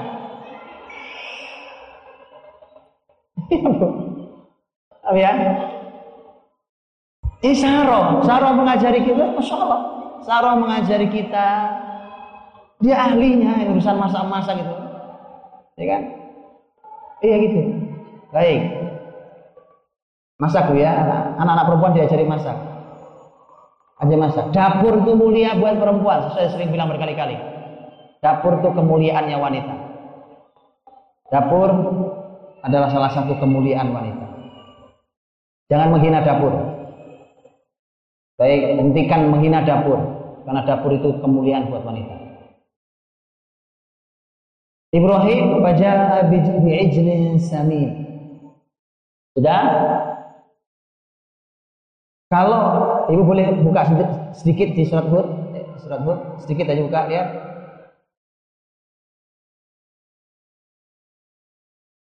Ayat langsung berbunyi falamma ra'a aydiyahum la tasilu ilaihi nakirahum. Ketika tamunya ta, tangannya tamunya nggak nyampe-nyampe ke daging, nggak dimakan, nggak disentuh-sentuh, maka Ibrahim mulai merasa semakin tidak nyaman dengan tamunya. Baik. Tapi ibu kembali ke surat Az-Zariyat. Az-Zariyat itu ternyata Allah ingin menunjukkan bedanya dengan Hud. Allah ingin menunjukkan di Az-Zariyat proses detail tentang proses dari mulai datang, masak sampai menyuguhkan. Nah, kalau di Hud berarti konsentrasinya bukan itu. Kalau Az-Zariyat itu konsentrasinya. Baik.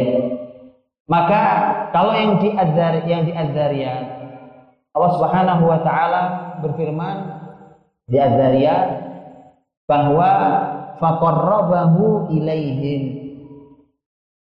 Ibrahim mendekatkan qarrabahu itu mendekatkan. Daging yang panggang itu didekatkan di tamu-tamunya. Jadi kalau tamu memang makanannya jangan jauh-jauh tamu itu biasanya sungkan malu ya kan? Dia nggak mau dia itu pasti sungkan banget berdiri hanya untuk ngambil makan doang males ya. Malu dia. Makanya tamunya tahu diri disuguhkan didekatkan makanannya. Semua ini ini ada keluarga Islam kayak begini nih. Ya kan? didekatkan tuh makanan ke tamu-tamu. Dekatkan itu benar itu mendekatkan makanan ke tamu. Setelah itu Allah ala ta'kulun? Ibrahim berkata ayo silakan makan.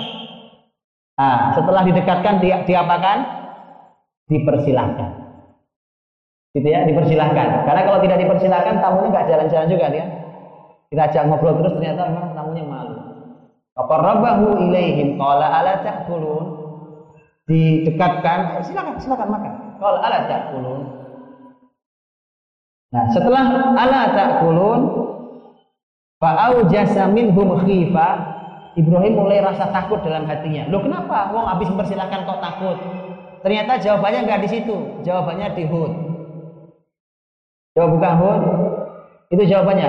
Kan kalau di surat Az-Zariyat takutnya tiba-tiba wong habis mempersilahkan silahkan dimakan tiba-tiba dia takut kan aneh nggak mungkin itu mesti ada sesuatu Apa sesuatu itu? Nah ini surat surat dalam surat Hud. Dalam surat Hud tadi, falamma ra'a aydiyahum la tasilu ilai nakirahum wa aujasa minhum khifa. Sama-sama aujasa minhum khifa, ya kan? Sama-sama, tapi ada kalimat yang ditambahi di dalam surat Hud. Apa yang membuat Ibrahim takut? Yang membuat Ibrahim takut adalah bahwa ternyata tangan tamunya itu nggak nyampe-nyampe ke daging. Jadi artinya nggak nggak disentuh-sentuh ke dagingnya. Disebutkan bahwa Ibrahim alaihissalam mencontohkan makan duluan. Nah ini juga ada. Ini yang punya rumah makan juga. Ibrahim makan duluan karena sudah mempersilahkan silahkan kemudian makan. Berharap tamunya mengikuti. Begitu dia makan dia lihat dong, kok tangannya nggak ada yang gerak. Tangan tidak ada yang sampai ke daging. Itulah kalimatnya tadi bahwa tamunya tidak menyentuh daging. Makanya tidak sampai itu tangan ke daging itu Ibrahim mulai khawatir. Ini siapa mereka? Fa'aujasa minhum khifah. Gitu loh. Jadi subhanallah, ibu mati Allah. Jadi kalau datang tamu jangan suudon dulu. Ini tamunya siapa? Malaikat mulia. Ya tapi kalau khawatir ya ada saja namanya orang hidup ya kan. Tapi subhanallah jangan suudon. Tapi namanya khawatir dia muncul manusiawi. Fa'aujasa minhum khifah. Jadi setelah dipersilakan gitu. Fa'aujasa minhum khifah. Kemudian mulai muncul rasa eh, takoh. Eh, Fa'aujasa minhum khifah itu kalau di sana fa'aujasa minhum khifah ini wa'aujasa minhum khifah. Muncul rasa takut pada Ibrahim mulai khawatir. Ini siapa mereka? Kekhawatiran itu, kekhawatiran itu ada banyak, ada beberapa faktornya sebenarnya waktu itu karena di antaranya adalah Ibrahim tidak tahu siapa mereka. Jangan-jangan mereka ini orang berniat tidak baik. Itu mulai muncul. Menurut sebagian ulama itu mulai ada. Karena biasanya, ini biasanya, biasanya tamu itu kalau niatnya tidak baik, itu nggak mau makan lezat itu kelamaan. Makanan lezat di depan nggak lama-lama, betul kan? Orang kalau niatnya tidak baik, biasanya langsung aja pada pokok permasalahan tidak baiknya itu. Dia mau mencuri, dia mau merampok, waliyadzubillah sebenarnya, umpamanya nggak ada tuh perampok makan dulu nikmat sama tuan rumahnya itu biasanya nggak ada, setahu saya biasanya, betul? Tapi ini kekhawatiran itu muncul, kekhawatiran ini muncul ternyata teman-teman dirahmati Allah Subhanahu Taala. Salah satunya adalah bahwa tadi kekhawatiran ini kamu apa niatnya tidak baik. Padahal di awal Bukankah di awal tamunya, tamunya Ibrahim waktu masuk mengucapkan apa? Salama. Ucapan salam, apa di salama?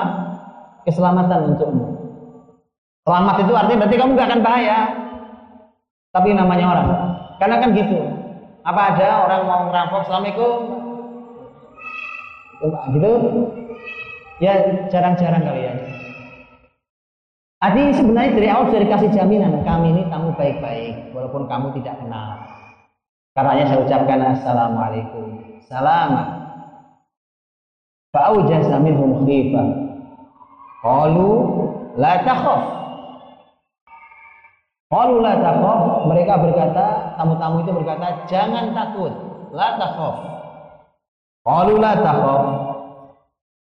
Kalau yang di dalam surat Hud Quran mengatakan inna ursilna ila qaumi. Kami ini diutus untuk pergi ke kaumnya Lut. Itu di surat yang ada di dalam surat Hud. Tetapi yang ada di dalam surat Zariyat lain. Qalu la taqaf wa basyaruhu wa basyaruhu bi gulamin alim. Kemudian diberikan kabar gembira setelah mengatakan jangan takut, kemudian diberi kabar gembira tentang akan diberikannya anak yang alim. Alim, alim adalah anak yang e, berilmu. Baik. Kalau di Hud ngabari bahwa kami ini utusan, utusan Allah. Baru kemudian paham, oh malaikat ini. Utusan Allah, tugas kami sebenarnya pergi ke ke kaumnya Nabi Lut. Tapi yang dalam surat Az-Zariyah Allah Subhanahu wa taala menyampaikan bahwa maka Allah maka para utusan itu kemudian memberitahukan kabar gembira tentang akan kelahiran anak yang pandai, anak yang berilmu. Wabasyaruhu bigulamin alim. Ya, baik. Kembali yang dalam surat Hud, Allah Subhanahu wa taala berfirman wa mar'atuhu qa'imatun fadhahikat. Fabasyarnaha bi ishaq wa min wara'i ishaq yaqub. Ini ayat 71 ini lebih detail daripada yang di surat Az-Zariyat. Lebih detail karena ternyata yang di dalam surat Hud ini kalimatnya Al-Quran wa dan istrinya yaitu Saroh ini Qaimah berdiri. Di mana berdirinya? Di mana berdirinya? Kan berdiri kalimat Qaimah berdiri. Di mana berdirinya? Ada dua pendapat ulama tafsir.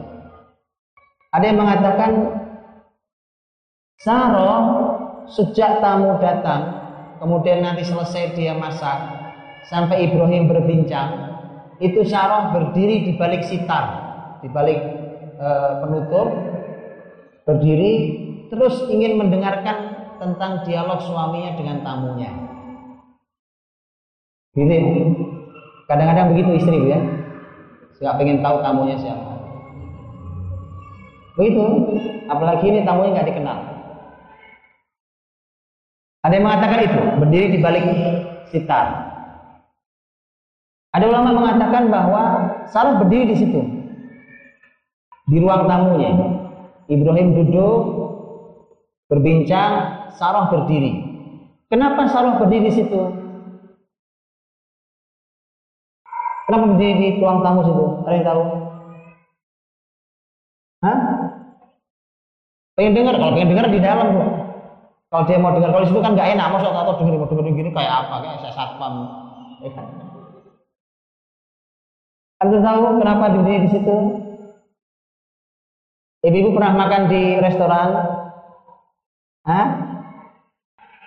Yang ada orang berdiri nungguin kita makan. Itu bukan pengen makan bareng kita, Bu. Tetapi kenapa? Persis. Karenanya para ulama tafsir mengatakan berdirinya Saroh di sana dia siap melayani apa perlunya, apa nambahnya siap melayani. Itu wanita mulia. Karena ini tamu suaminya. Paham ya? Ini tamu suaminya. Ketika suaminya memuliakan tamunya, muliakan apa yang dimuliakan suaminya. Itu wanita istimewa. Muliakan apa yang dimuliakan oleh suaminya. Kalau suaminya memuliakan tamunya, maka kemudian Saroh bersiap siaga, perintah apa berikutnya, dia siap untuk melayani. Mungkin airnya kurang, mungkin kan? atau keperluan yang lain siap melayani. Baik, wa mra'atuhu qa'imah berdiri. Wa dhahikat berdiri di situ eh ketawa dia. Dhahik itu artinya ketawa sebenarnya. Pertanyaannya, kenapa sampai kenapa sampai Sarah tersenyum-senyum ketawa sendiri? Emang ada yang lucu gitu?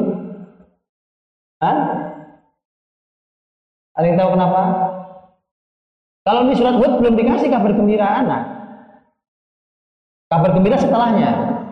Setelah ketawa baru muncul fabasyarnaha. Kami beri kabar gembira. Baik. Terus kenapa ketawa?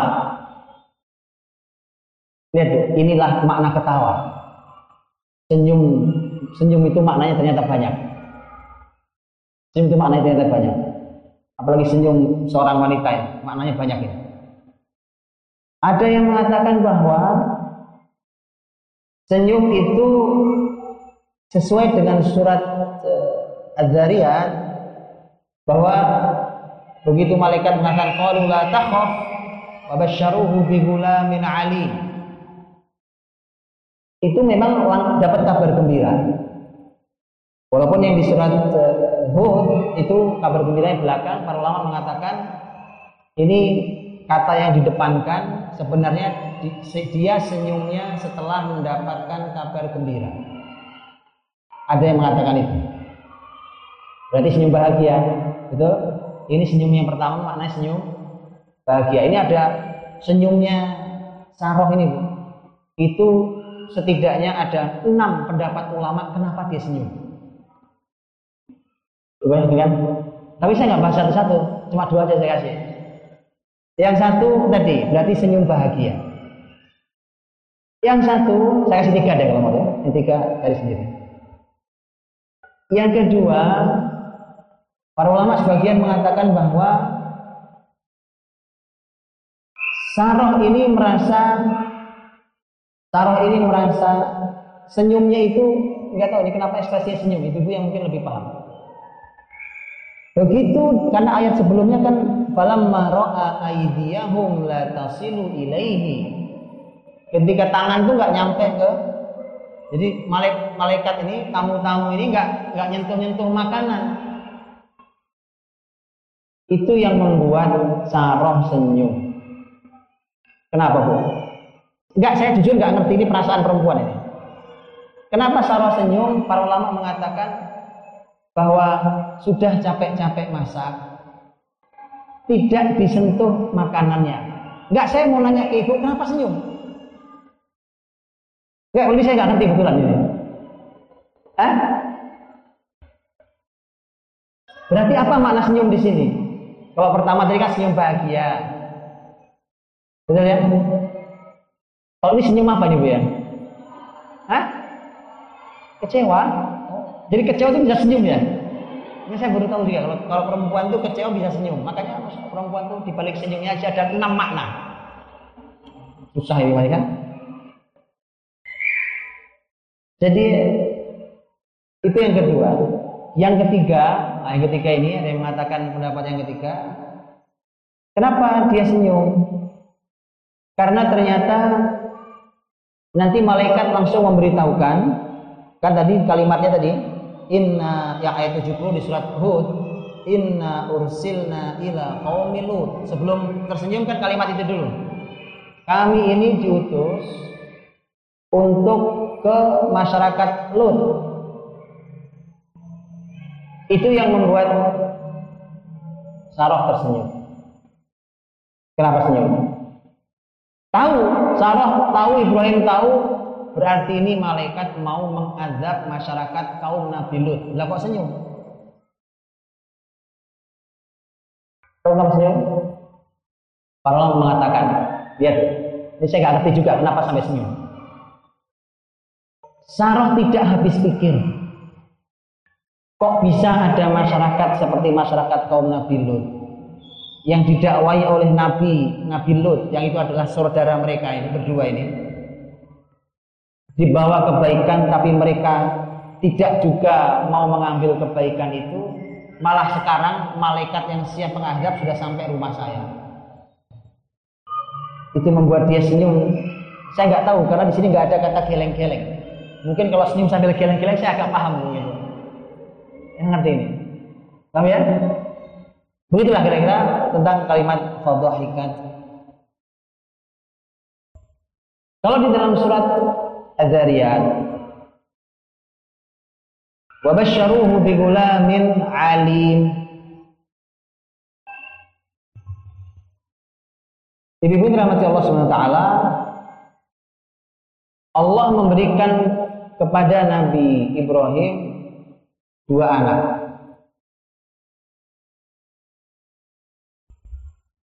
Ternyata Allah menggunakan kata dua-duanya kami berikan kabar gembira. Ya, jadi Ibrahim punya anak umurnya berapa? Muda atau tua? Sudah pasti tua. Makanya gitu.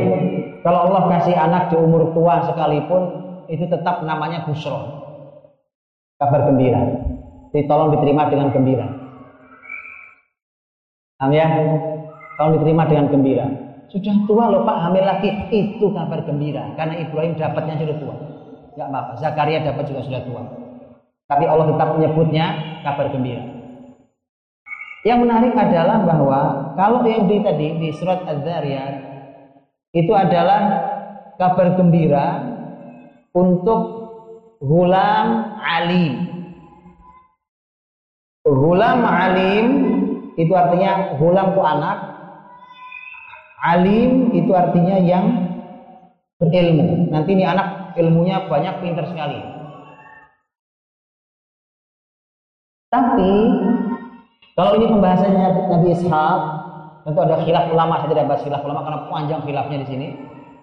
E, terutama yang surat satu lagi. Tapi di dalam surat As-Saffat, dalam surat As-Saffat ayat 101 yang juga tentang Nabiullah Ibrahim, yang juga tentang kabar gembira Ibrahim akan dapat anak, yang menurut sebagian ulama kalau yang as-sofat adalah Nabi Ismail kalau yang Azariyat Nabi Ishaq ternyata yang Nabi Ismail pun bunyinya juga gitu babasyarnahu bigulamin halim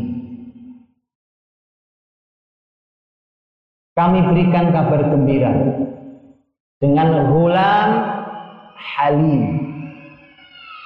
anak yang halim Nabi Ishaq disebut sebagai gulam alim. Nabi Ismail disebut gulam halim. Beda. Dua-duanya baik. Dua-duanya kabar gembira. Gulam alim anak yang berilmu tinggi. Lak Ishaq ini ilmunya tinggi. Gulam halim pakai ha Ha itu orang yang akalnya sempurna dan kesabarannya luar biasa. Itu halim. Tidak akan agak beda. Betul ya? Nanti lihat lagi ya. Yang as-sofat halim pakai ha itu artinya akal yang baik, kesabaran yang sempurna. Halim. Pertanyaannya, mengapa Allah menyebut Ishak dengan anak yang berilmu, mengapa Allah menyebut Ismail dengan anak yang halim? Para ulama menjelaskan. Pertama adalah ini bukan berarti bahwa Ismail bukan berarti tidak punya ilmu. Karena Nabi itu punya ilmu, pasti harus punya ilmu. Dan bukan berarti Ishak bukan Halim. Tetapi ada dua kemungkinan. Kemungkinan pertama adalah bahwa ini adalah sifat yang menonjol dari masing-masing. Namanya anak beda-beda, Bu. Betul ya? Dua-duanya pinter, dua-duanya akalnya cerdas, dua-duanya sabar. Tetapi apa yang menonjol dari anak pertama, apa yang menonjol dari anak kedua? Begitu, punya anak itu beda-beda. Karena beda yang nggak disamakan. Makanya orang tua harus pandai melihat perbedaan anak. Potensi anak gimana perbedaannya. Jadi itu. Yang kedua, jadi mungkin sifat menonjolnya. Sifat menonjolnya Ishak Ali. Sifat menonjolnya Ismail Halim. Karenanya, karenanya kemudian ada sebagian ahli ilmu yang menarik itu ke garis keturunan ke bawah gitu. Karenanya anak keturunan Ishak diberikan Allah ciri khasnya ilmu. Ilmunya logika cerdas kuat. Masyarakat Bani Israel gitu. Sekali lagi ini bukan berarti keturunan Ismail tidak pintar. Karena tidak mungkin Nabi nggak pintar. Apalagi Nabi Muhammad, keturunan Ismail, itu orang paling cerdas di muka bumi. Gitu. Tetapi keturunan ini Ismail sampai ke Nabi Muhammad dan sampai masyarakat Arab dan sampai seluruh umatnya adalah halim. punya sifat selain akal yang sempurna, akal yang sangat baik, juga kesabaran yang tinggi. Jadi tidak ada alasan buat umat Muhammad untuk tidak punya kesabaran yang tinggi. Jadi selain akal kecerdasan yang tinggi, ada sabar itu kan di hati. Ada hati yang baik. Itu bukan hanya masalah kecerdasan. Makanya kesalahan kita adalah ketika mendidik anak yang dididik hanya otaknya, hatinya tidak dididik. Padahal Allah sudah mengabarkan Nabi Allah Ismail yang dari sana lahir adalah Nabi kita Shallallahu Alaihi Wasallam dikabarkan bahwa beliau halim.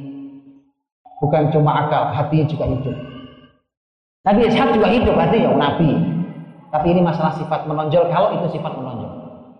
Yang kedua bisa jadi kemungkinan kedua bukan masalah sifat menonjolnya tetapi siapul ayat konsep e, masalah ini ayat sedang membahas apa? Pembahasan itu disesuaikannya oleh Al-Quran.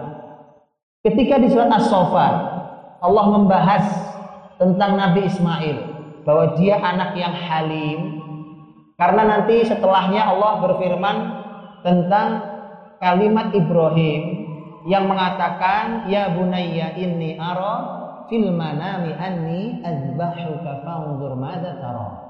Nah, ayah bermimpi nyembelih kamu. Itu perlu kesabaran. Makanya Allah sebut Ismail dengan Halim. Karena itu perlu kesabaran dan Ismail adalah anak yang sudah sangat sabar. Paham? Agak muter-muter dikit tapi harus paham. Kalau ada ujian nggak lulus bahaya. Ya. Halim. Ya. Baik. Satu lagi ini syarat menarik tentang Halim. Halim Halim, hilm, sabar biasanya karena faktor interaksi dengan sesama. Gini bu, kalau saya sendiri nggak ke mana-mana, nggak bergaul, terus saya bilang, saya orang yang sabar pak. Nggak teruji bukan? Nggak teruji. Yang teruji kalau kita sedang kumpul berinteraksi dengan teman, tetangga, saudara, kerabat, kemudian saya sabar Pak Insya nah, itu baru teruji. Karena interaksi sama orang lain. Dan itu interaksinya Ismail dengan ayahnya yang bermimpi menyembelihnya. Karenanya Allah sebut halim. Karena hasil interaksi. Baik. Karena itu Nabi Muhammad Sallallahu Alaihi Wasallam mengatakan al mu'minul ladhi yukhalitun nas wa yasbiru ala adahum khairun minal ladzi la yukhalitun nas wa la yasbiru ala. Orang beriman yang mau kumpul bergaul dengan masyarakatnya dan mau sabar terhadap semua yang menyakitkan lebih baik dibandingkan orang beriman yang tidak mau kumpul dengan orang lain dan tidak sabar terhadap yang menyakitkan. Paham ya? Halim karena di situ akan diuji semua, betul nggak sabar, betul nggak begini, betul nggak akhlak begini dan seterusnya. Baik, habis waktunya. Uh, kalau di, di Adzarian diberikan kabar gembira tentang anak yang alim, Ishak, anaknya Sarah. Tapi yang di dalam surat Hud Allah menyampaikan fabasyarnaha bi ishaq wa min wara'i ishaq yaqub Allah sampaikan kami kabarkan kepadanya. Nya siapa? Kami beritakan kabar gembira ini kepadanya. Nya siapa? Ada duanya loh ini. Nya itu berarti satu Ibrahim atau Sarah. Yang di Hud nya siapa Ibrahim atau Saro? Sama enggak dengannya yang di Adzariyat? Wa basyaruhu bi gulamin bi gulamin alim. Tuh. Ternyata Quran itu masya Allah, ya kan? Itu kenapa harus bisa bahasa Arab? Ini kalau ini gampang, lihat yang di Adzariyat, yang di Adzariyat, Adzariyat, wa basyaruhu. Kalau yang di Hud fabasyarna ha Jelas. Betul? Untuk siapa yang di Adzariyat? Kabar gembiranya untuk siapa? Untuk Ibrahim. Buah. Dia Ibrahim. Kalau yang di Hud untuk Sarah. Tabasyarnaha. Ya. Karena nanti akan beda ini, Bu. Akan beda ini. Tapi intinya begini, kabar gembira ini untuk keduanya. Baik suami ataupun istri. Makanya kalau kalau dapat anak lagi itu yang senang harus dua-duanya. Kabar gembira ini untuk laki dan perempuan, untuk suami dan istri. Ya. Tapi yang untuk laki-laki dalam surah Az-Zariyat untuk Ibrahim wa basyaruhu bi ghulamin alim. Lihat bedanya nanti. Dan mereka para tamu memberi kabar gembira kepada Ibrahim tentang anak yang berilmu pinter, ilmunya tinggi. Bedakan dengan yang untuk Sarah. Fabasyarnaha bi Ishaq wa min wara'i Ishaq Yaqub. Kami kabarkan gembira ini kepada Sarah dengan Ishak dan setelah Ishak akan ada Yakub lagi. Beda nggak bu kabar gembiranya? Beda apa sama? Subhanallah mungkin inilah isyarat antara bedanya laki dan perempuan. Ya, kalau laki-laki tadi apa? Anak yang pinter, pinter, berilmu, cerdas, logikanya hebat. Laki-laki suka punya anak kayak gitu. Ya? Kalau ini perempuan, apa kabar gembiranya? Ishak, setelah Ishak, Yakub nanti punya anak. Jadi kau akan punya cucu. Paham? Anak cucu. Perempuan suka. Anak berikut cucunya. Masya Allah. Ya. Jadi kalau ini sebuah isyarat tuh, nampaknya perempuan memang Masya Allah sangat bahagia dengan cucunya. Sama laki-laki juga juga, tapi ini ada penekanan di situ. Perempuan juga senang punya anak pintar, berilmu, tapi ternyata Allah berikan tekanan pada laki-laki. Laki-laki lebih senang dulu Ya, makanya aneh kalau hari ini para muslimah tidak segera ingin punya cucu. Itu agak aneh menurut saya. Ya kan? Gak segera ingin punya cucu. Oh iya, kan kalau segera ingin punya cucu berarti anak-anak nikahnya muda-muda. Segera nikah, eh, segera nikah kamu nak, segera aku punya cucu. Gitu ya Bu? Baik. Fabasyarnaha bi Ishaq. Diberikan kabar gembira tentang Ishaq. Wa min wara'i Ishaq. Ini kan kabar gembira yang berlipat-lipat. Bukan cuma Ishaq aku berikan kabar gembira. Tetapi kabar gembira itu sampai kepada bahwa anakmu ini kelak akan punya anak. Itu bahagia yang berlipat-lipat. Baik, kabar gembira itu, ibu-ibu, kabar gembira itu, apakah hanya pada anak atau pada cucu? Yang mana kabar gembiranya? Yang anak atau yang cucu? Hah? Ya, nanti lihat ayatnya. Babasyarnaha bi Ishaq wa min wara Ishaq Yaqub. Kabar gembiranya mengabarkan tentang Ishaknya atau mengabarkan tentang Yakubnya? Hah? Tentang dua-duanya. Nah, dua-duanya. Oh iya dong. Itu bukti bahwa anak itu kabar gembira, cucu juga kabar gembira. Paham ya? Oh, baik. Dan itu spesial buat ibu-ibu yang itu. Baik. Eh, waktunya habis atau ini? Habis waktunya, Bu. Masih panjang ternyata. Subhanallah. Saya tutup terakhir kalau gitu, terakhir terakhir. Allah, banyak banyak ada di sini. Ya wailata. A'alidu wa ajuz wa hadha ba'li syaikha. Lihat tuh. Ibu bayangin ini ini drama di ruang tamu Ibrahim. Ini kalau kita ambil pendapat Ibrahim duduk, tamunya tiga orang. Ini saya gambar ini. Sarah berdiri. Begitu mereka mengabari bahwa akan kabar gembira seorang anak anak yang pintar Ishak dan bahkan Ishak akan punya anak Yakub. Baik. Kemudian lihat dari depan itu pembahasannya tentang Ibrahim. Betul ya? Kamu datang ke Ibrahim, salam ke Ibrahim, yang jawab Ibrahim, yang nyuguhi Ibrahim, semua Ibrahim, Ibrahim, Ibrahim. Begitu sampai di sini yang jawab haji, yang menjawab Sarah. Ngerti? Lihat, lihat ayat subhanallah ya kan? Sarah sekarang di sini. Ini ekspresi wanita. Ini karenanya hati-hati wanita kalau salah mengekspresikan bahaya. Ini Allah yang menunjukkan bahwa wanita lebih ekspresif. Lebih ekspresif. Ibrahim nggak ada di situnya. Padahal dari depan tuh Ibrahim, Ibrahim, Ibrahim, Ibrahim. Dari mulai tamu datang tuh sampai pembicaraan yang ini Ibrahim terus. Gak muncul sarohnya. Kapan saroh muncul? Eh, ini sekarang muncul nih. Kolat. Saroh berkata. Tuh, sekarang sekarang ambil alih suara saroh, ya. Saroh yang berkata, "A'alidu wa ana ajuz wa hadha ba'li syaikha." Masa bisa saya lahiran, saya melahirkan?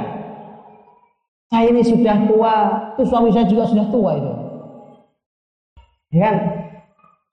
Kalau ini dalam surah Az-Zariyat, "Wabasyaruhu bi ghulamin 'alim fa aqbalat imra'atuhu fi sarra."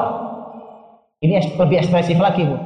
Itu Sarah keluar suara pekikannya, Bu. Gimana bunyi nirunya? Saya nggak ngerti juga nirunya. Jadi begitu ekspresinya bahagia campur tidak percaya itu dia memekik suaranya. Terdengar suara Sarah. Disorrotin wasokat wajahaha dan sambil memukul wajahnya dengan tangannya. Ini sokat pakai ini. Tahu ngerti gimana ekspresinya perempuannya gitulah ekspresinya. Sambil mukul mukanya sambil berteriak.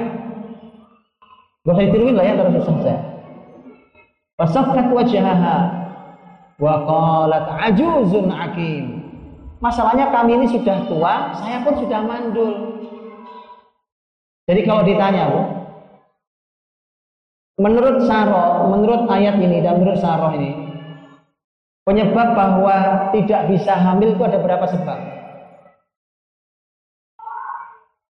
Sebabnya ada berapa? Hah?